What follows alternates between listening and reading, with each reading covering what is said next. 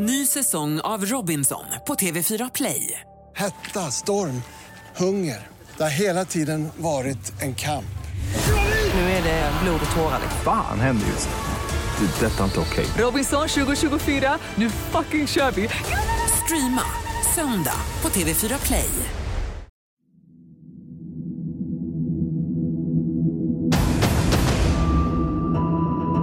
Om det nu hade varit en olyckshändelse, varför inte ringa till en ambulans och be om hjälp eller råd? Vad ska jag göra? Varför göras en sånt enormt besvär för att bli av med kroppen? Så åker de till ett hamburgerställe och sitter i bilen och äter de här hamburgarna beställt. Och då berättar Torbjörn för Martin att Melissa ligger död i bagageluckan. Och då svarade Martin att då smakade inte hamburgarna så gott, sa han. Jag heter Hasse Aro. Välkomna till min podd Fallen jag aldrig glömmer.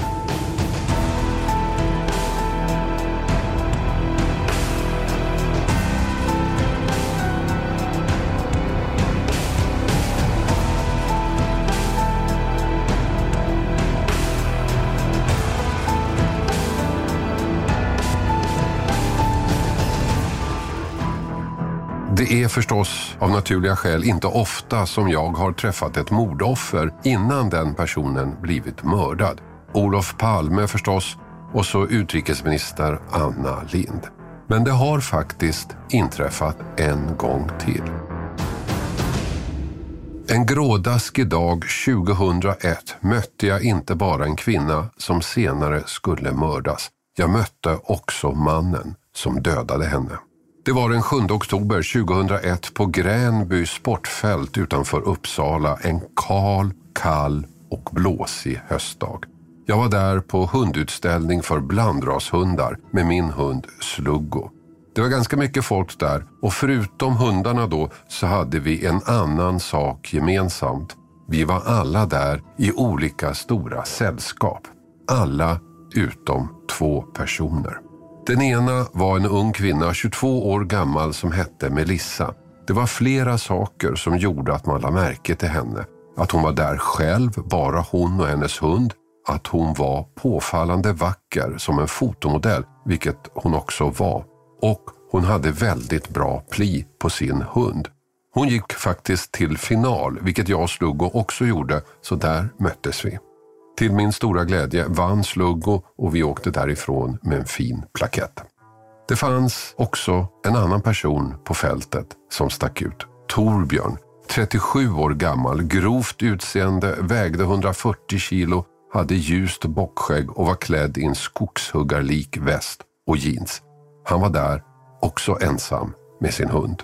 En hund som han inte hade någon pli på alls. Han åkte ut i första omgången och lämnade fältet i uppseendeväckande vredesmod. Det fanns ingenting som tydde på att Torbjörn och Melissa kände varandra. De höll sig på avstånd från varandra, talade inte med varandra och utbytte inte ens blickar. Men sanningen var att de inte bara kände varandra, de hade även varit ett par tills alldeles nyligen då Melissa bröt relationen. Torbjörn lämnade alltså arrangemanget tidigt. Melissa blev kvar ganska länge eftersom hon vann sin grupp och gick till final. Och vad ingen på fältet visste var alltså att Melissa och Torbjörn kände varandra och ingen kunde heller veta att han 33 dagar efter utställningen skulle mörda henne. Jo, han själv kanske visste det redan den här dagen. En månad senare, söndagen den 11 november 2001, är en familj på bilutflykt i Stockholms skärgård. Inte heller den här dagen är vädret särskilt bra så familjen kör upp på Björkviks brygga på Ingarö och dukar upp matsäcken inne i bilen. Efter lunchen kliver mamman ur för en kort promenad. Pappan sitter kvar med barnen. Han följer sin hustru med blicken när hon går fram till kajkanten och förstår omedelbart att något är fel. Han säger åt barnen att stanna kvar, öppnar bildörren, går fram till hustrun och följer hennes blick ner i vattnet. Det är ingen tvekan om vad de ser. Trots att den är inlindad i kedjor och hönsnät framträder den nakna kvinnokroppen tydligt i vattnets krusande mörker. Polisen kommer snabbt till platsen och en undersökning om mord inleds. Ansvarig för den utredningen blev Jan Ulén på Nackapolisen. Det var en söndagkväll i alla fall vid sextiden och vi hade gäster hemma och skulle just sätta oss och äta middag. Då telefonen ringer och då visade det sig att det var vakthavande befäl från polisen i Nacka som ringde och talade om att de troligtvis hade hittat en eh, ung tjej i vattnet utanför Björkviks brygga och att dykare var på väg ut och tekniker var på plats och han ville att jag skulle komma in för att åka ut dit. Mm. Och då eh, ringde jag till min chef eh, och bad han följa med. Den tiden så var jag eh, förundersökningsledare och ansvarade för alla spaningsärenden. Och så ville jag att han skulle följa med mig ut där. Då, då. Så vi åkte in och träffades på polisstationen och fick lite nytt från vakthavande befäl. Och när vi kommer ut på Björkviks brygga så finns tekniker där. En eh, kranbil från bärgningskåren och eh, dykare från polisen. Och då ligger eh, den här tjejen fortfarande kvar i vattnet och då berättar de att hon är inlindad i någonting som ser ut som hönsnät. Och runt det här nätet så var två stora tjocka kättingar fästa med najtråd.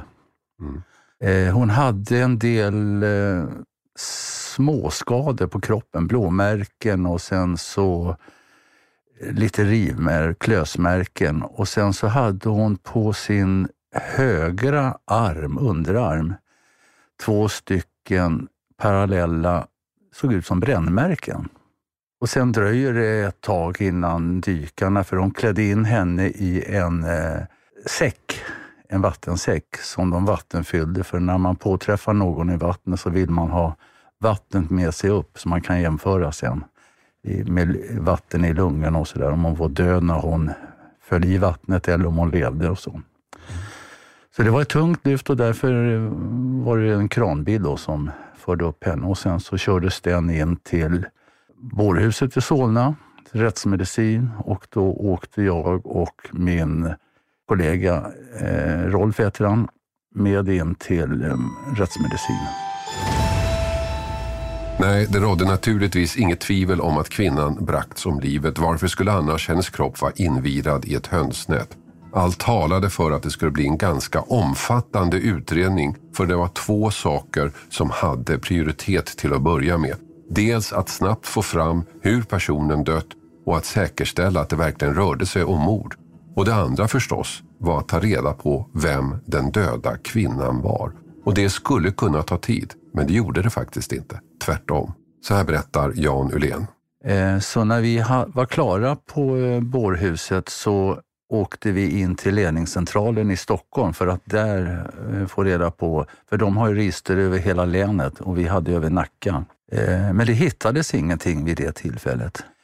Men under tiden som vi är uppe på ledningscentralen så berättar en patrull att de hade kört in en mamma till polisstationen i Täby. Eller om hon hade kommit in själv, det ska jag låta vara osagt. Och anmält sin dotter försvunnen. Och den flickan hette Melissa och kunde vara i den åldern. En polispatrull skickades alltså ut till Melissas mamma med en bild på den döda kroppen och hon kunde bekräfta att det var hennes dotter som hittades. Och hon hade också andra intressanta och avgörande saker att berätta. Så då eh, beordrade eh, ledningscentralen att en bil skulle åka och prata med mamman och be att få ett fotografi på flickan. Och de kom upp sen med eh, fotografiet och de berättar att mamman och Melissa hade kommit överens om att de skulle ha träffats dagen innan, alltså på lördagen. Det här är nu sen söndagkväll som vi är där uppe på ledningscentralen. Eh, mamman hade blivit orolig eftersom hon brukade alltid hålla avtalad möten och tider och så, så att eh, hon hade ringt till henne men inte fått något svar. Och därför åkte hon hem till Torbjörn, som han hette, som var Melissas före detta pojkvän. Och när hon ringer på dörren så öppnade han och det här var på lördagen någon gång på eftermiddagen. Och eh, hon blev lite förvånad för att Melissas hund var hemma hos Torbjörn, men Melissa var inte där.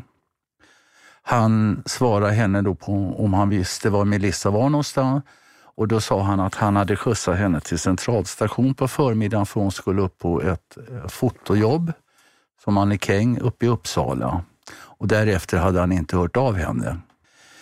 Eh, hon tyckte att han verkade lite nervös och lite konstig och hon observerade också att han hade ett kraftigt rivsår på höger sida av halsen.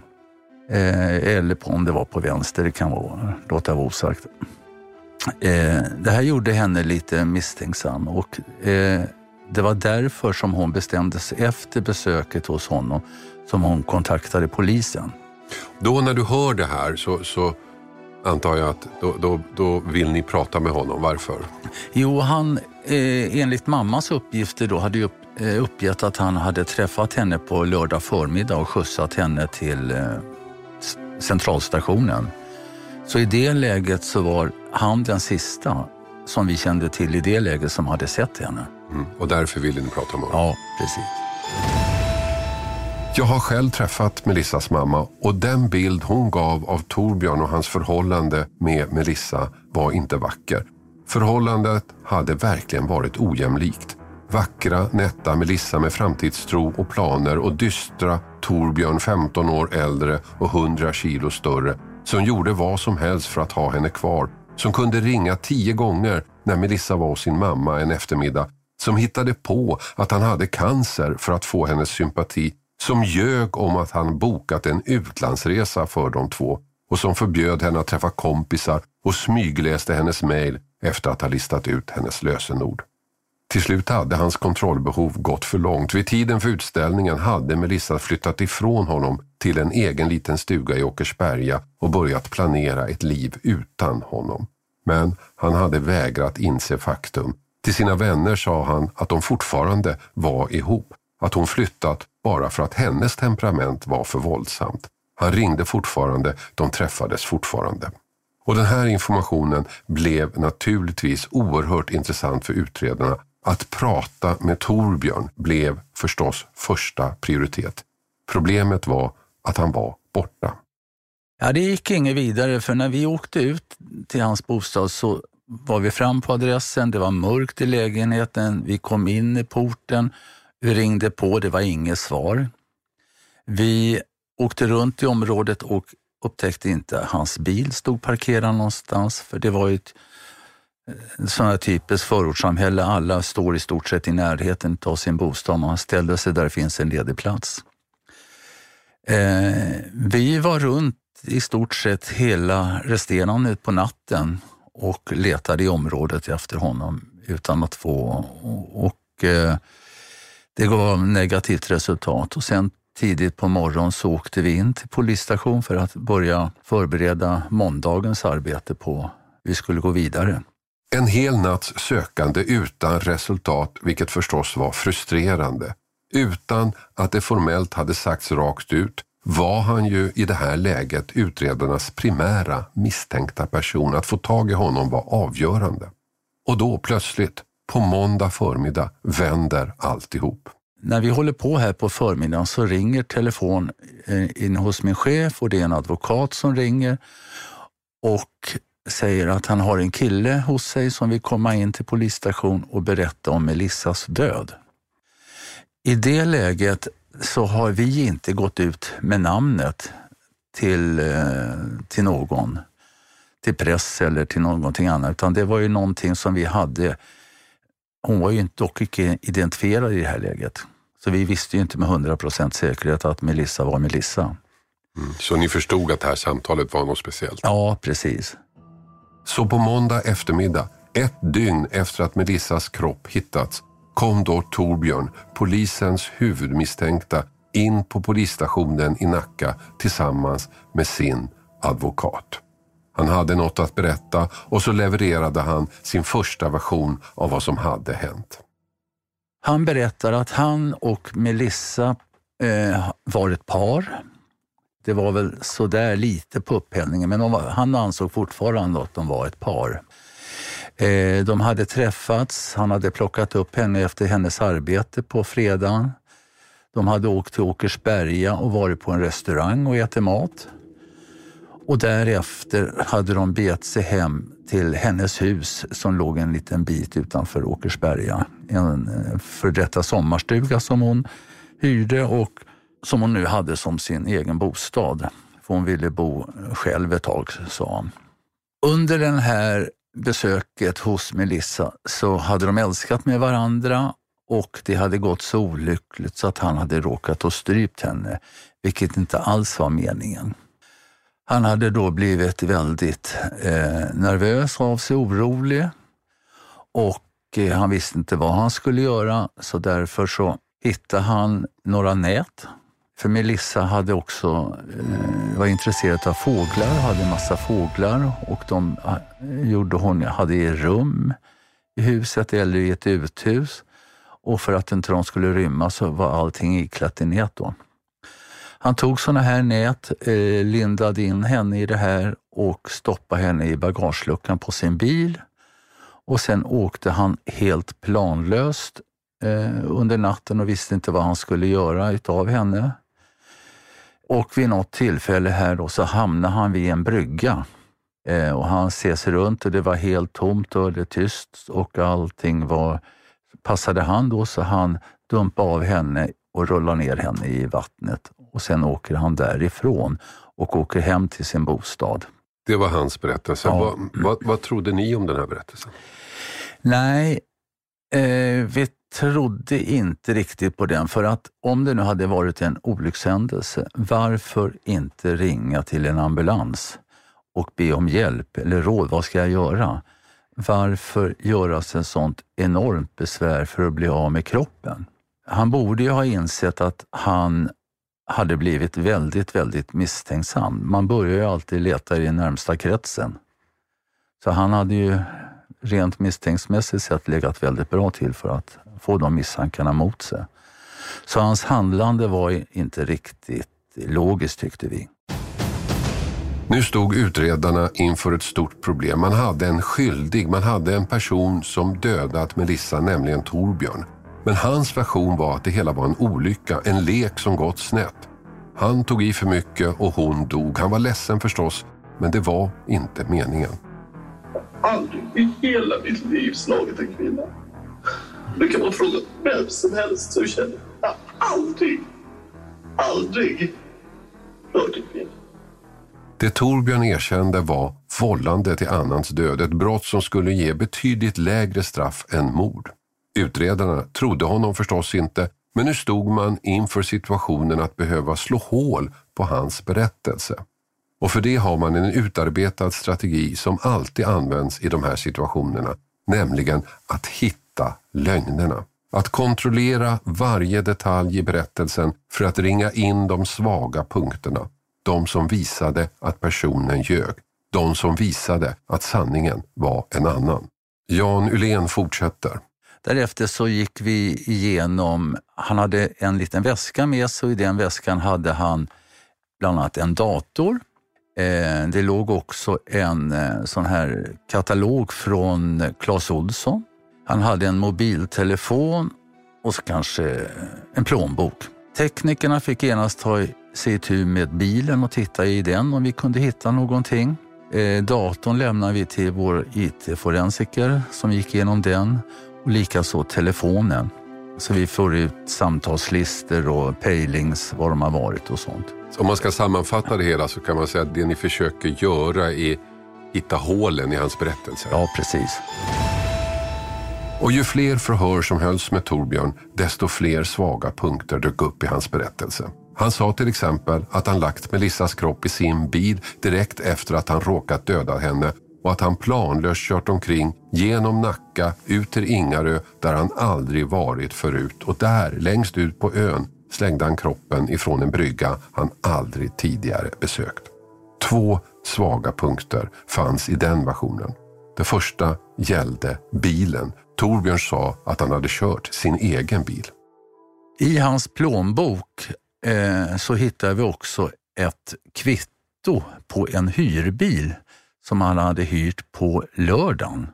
från tidig morgon, om det var vid fem, sex tiden på morgonen redan, hade han hyrt den och återlämnade den sen sen lördagkväll. Och det där tyckte vi var ju konstigt, för det var ju den tidsrymden som det här brottet kunde ha skett. Mm. Enligt honom så hade han åkt runt med henne i sin egen bil. Ja, precis. Och när teknikerna hade undersökt hans bil så var den kliniskt ren. Det fanns ingenting eh, som tydde på att man hade förvarat sånt här konstigt i, i bilen. Och då hade vi sån tur så att eh, vi kontaktade uthyrningsfirman. Det var från en bensinstation och den här bilen fanns inne på station och ingen hade använt bilen efter det att han hade hört den. Så den hämtades med bärgningsbil och fördes tillbaka till polisstationen i Nacka för teknisk undersökning. I bagageluckan på själva tyget i botten på bagageluckan så kunde man se liksom rivmärken eller skrapmärken som gjorts av typ ståltråd. Och då misstänkte vi att det här kunde komma från det här hönsnätet som hon var inlindad i. Vi hittade också små eh, rester av najtråd som eh, låg i bagageluckan. Och det här förstod vi då att han insåg att han kommer att bli misstänkt för det här. När han flyttade kroppen så ville han inte ha den i sin bil utan han hade en hyrbil istället. Mm. Så det var den första lögnen ni det var, det var den första lögnen. Och en tid senare så lyckades polisen hitta den andra svaga punkten. Genom att kartlägga hans telefon kunde man se att Torbjörn visst varit ute på Ingarö förut. Nämligen dagen före mordet. Redan på fredagen hade han alltså kört runt i det område där kroppen sen dumpades. Sen får vi svar då från telefonundersökningen och då visar det sig att han på fredagen hade åkt ut på Värmdö. Han hade varit på olika adresser i, ute i Värmdö och Nacka. Bland annat hade han varit vid Björkviks brygga. Mm. Och det här är dagen innan hon mördas? Ja, på fredagen. Mm. Vi kunde också se att på lördagen så åker han med sin bil, inte riktigt samma sträcka. Eh, han är i söderort först. Eh, han är tillbaka ut mot, åker mot eh, Nacka, mot eh, Lagnehållet, åt åt det hållet först och sen åker bilen ut mot Björkvik. Mm, på Ingarö. Och på Ingarö, ja. Nästa misstag han gör är betydligt större och avgörande. I telefonen ser polisen att Torbjörn haft ganska tät kontakt med sin kusin Martin. Och Torbjörn berättar också att han träffat Martin på fredagen dagen före mordet. Och det här blir spiken i kistan för hans version om vad som har hänt. För polisen tar naturligtvis kontakt med Martin. Vi hade ju uppgifter via telefon att han hade varit ute på Värmdö. Och våran misstanke var att han hade varit ute och rekat. Men det, det var vi inte hundra procent säkra på. De hade åkt eh, bilen och sen hade de bara, eh, då hade de haft eh, Torbjörns bil. Och så hade de varit och planlöst bara ut på Värmdö och Björkvik hade de varit på. Så han medgav att de hade varit i Björkvik. Mm. Torbjörn fick ju sedan eh, frågan eh, om det stämde som Martin säger, att han hade varit där och då medgav han att de hade varit där ute. Men varför de hade varit det, det, det visste han inte riktigt. Det var, en, det var en ren tillfällighet. Och att han sen hade varit där, det, det var bara ödet som blev att det blev så. Utredarna förstår att Martin kan ha mer att berätta. Han kallas till polisstationen och där och då löses fallet. Där och då kommer sanningen fram. Martin vet betydligt mer än utredarna hoppades på. Utflykten på fredagen var inte någon nöjesresa. Det uttalade syftet var att hitta en plats att dumpa en kropp på, berättar Martin. Vi tar ett försök till med honom. Han kanske eh, försökte dölja någonting, men det, det var en känsla som förhörsledarna hade att nej, han kanske har mer att berätta. Och eh, han togs in till polisstation eh, och genast på en gång så berättade han att han hade träffat eh, Torbjörn på fredagen. Torbjörn hade då sagt att han kanske var tvungen att göra sig av med en person och Martin trodde i det läget att det rörde sig om en kille. För han rörde sig lite i konstiga kretsar, berättade Martin. Han trodde det var någon kille som han var i olag med. Eh, man diskuterade hur man skulle göra av en kropp och eftersom Martin eh, något år hade jobbat på en kyrkogård så föreslog han att man kanske skulle gräva ner den där och så trä ett trädgårdskalk över för att få bort dofter och sen ha på jord igen. Det här förslaget eh, det grusar de. Dels hittade de ingen trädgårdskalk. De hade varit på någon byggfirma och tittat. Det här var ju sent på året så att det var väl inte säsong direkt för det. Eh, sen var de väl lite lata bägge två för att det är ett jäkla jobb att gräva och sen så ösa igen det här för att dölja spåren. Så att, då kom det på förslag att man skulle dumpa kroppen i vatten, kanske från någon brygga eller någonting, så att man kunde köra fram bilen ända fram. Så att det var betydligt lättare. Och det var det de hade gjort på fredagen, letat efter en sån Ja, och då var de ute. De hade börjat ute på Tyresölandet och tittat, men där var det för mycket hus i närheten utav de ställen där det fanns bryggor. Och på vissa ställen var det alldeles för långt att ta sig ner till vattnet och bära ett stort kolli då. Man åker i Nacka och tittar. Där var det också att det var mycket hus i närheten. Man åker ut mot Värmdölandet Eh, om jag minns rätt nu så hade Torbjörns moster haft ett eh, sommarhus där ute, så att han var rätt så van vid Ingarö. Mm. De åker bland annat när de passerar Skurubron, så på höger sida så ser man några klippor och för att ta sig dit så svänger man av i ett ställe som heter Hålludden och de kör ner där men det visade sig att där var det alldeles för långt att gå från parkeringen så det fanns ingen naturlig väg ner till vatten. Och de fortsätter på flera ställen att titta, men till slut så kommer man ner vid Björkviks brygga och då eh, säger Martin till Torbjörn att här är det perfekt, för här kan man köra bilen ända fram. Det är dykförbud vid brygger, så det är ingen som kommer att hitta personen. Eh, och sen på hemvägen eh, därifrån, så, eh, när de åker mot stan, så berättar Torbjörn för Martin att eh, han ska träffa Melissa och att det är Melissa han ska försöka övertala. Om han inte lyckas med det så är han tvungen att ta bort henne. Men Martin var inte bara med Torbjörn före mordet. Han var även med efter, visade sig. Och sen på lördagen, då, då ringer han igen, Torbjörn. Nej, då kommer han hem till Martin han har i stort sett vaknat eh, och satt och spelat något tv-spel. Och så kommer Torbjörn och han frågar om han kunde hänga med. Och det gör Martin. Och när han kommer ner och sätter sig i bilen så ser han att det är en annan bil, att det är en hyrbil. Så åker de till ett hamburgerställe och sätter i bilen och äter de här hamburgarna beställt. Och då berättar Torbjörn för Martin att Melissa ligger död i bagageluckan. Och då svarade Martin att då smakade inte hamburgarna så gott, sa han. Mm. Eh, från den här hamburgerrestaurangen så åker de söderut lite grann. Eh, jag kommer inte ihåg vilken utav eh, Clas Ohlson-affärerna som det är, men det är strax söder om Stockholm. Där går man in och man frågar efter kraftiga kättingar eh, och får tag i Eh, väldigt kraftiga, tunga kättingar. Det är typ sådana här man har när man förtöjer bojen i en bojsten. Och så köper man också lite najtråd. Expediten eh, hörde vi senare. Jag kan komma till det sen. Mm.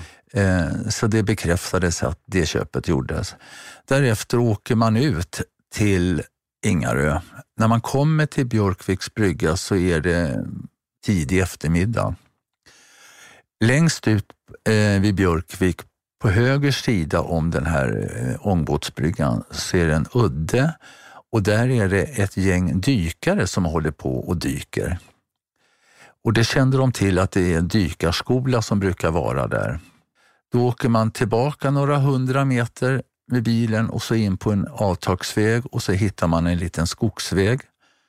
Där lyfter man ur Melissa som ligger i det här nätet. Man förankrar två stycken kättingar i nätet eh, så att det ska vara så att hon kan sjunka. Man lyfter tillbaka henne i bagageluckan på bilen. Man åker tillbaka till bryggan, ser att det fortfarande är folk. Då åker man tillbaka en liten väg och sen så svänger man in till höger och då hittar man en stor parkering som är väl en eh, gästparkering där för de som är och badar. Man går ut på klippor som är, för, eh, mittemot bryggan så ligger den i, liksom i en liten vik.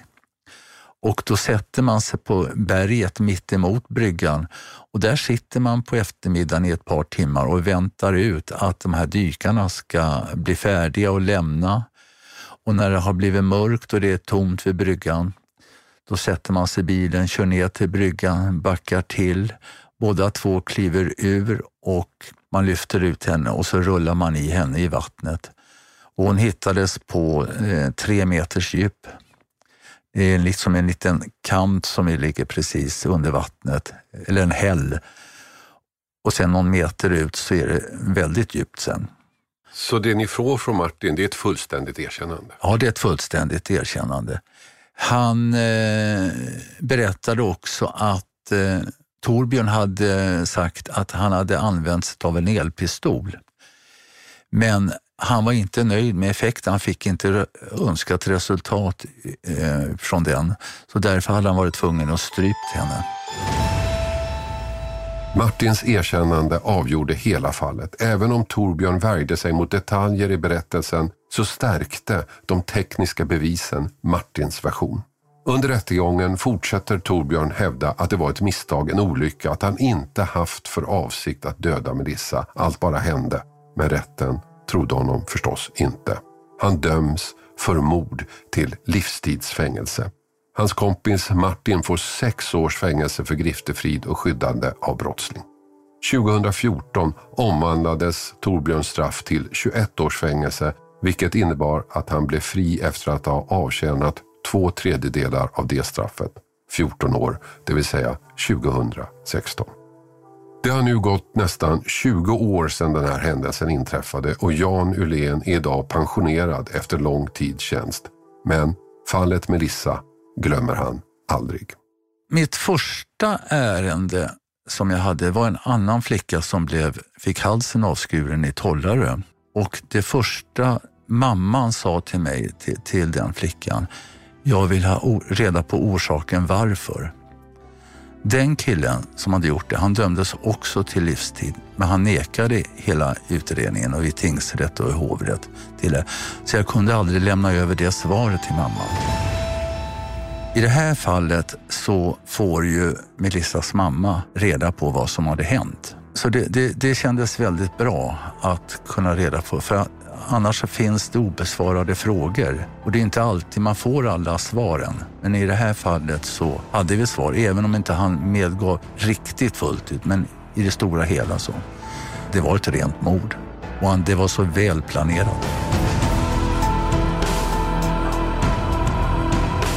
Klippning och inspelningsansvarig David Dabba Persson och exekutiv producent Mattias Arvidsson. Ljudinslagen i avsnittet kommer från Efterlyst i TV3. Produceras av I Like Radio. I like radio. Ny säsong av Robinson på TV4 Play. Hetta, storm, hunger. Det har hela tiden varit en kamp. Nu är det blod och tårar. Fan händer just det. Det är detta inte okej. Robinson 2024, nu fucking kör vi! Streama söndag på TV4 Play.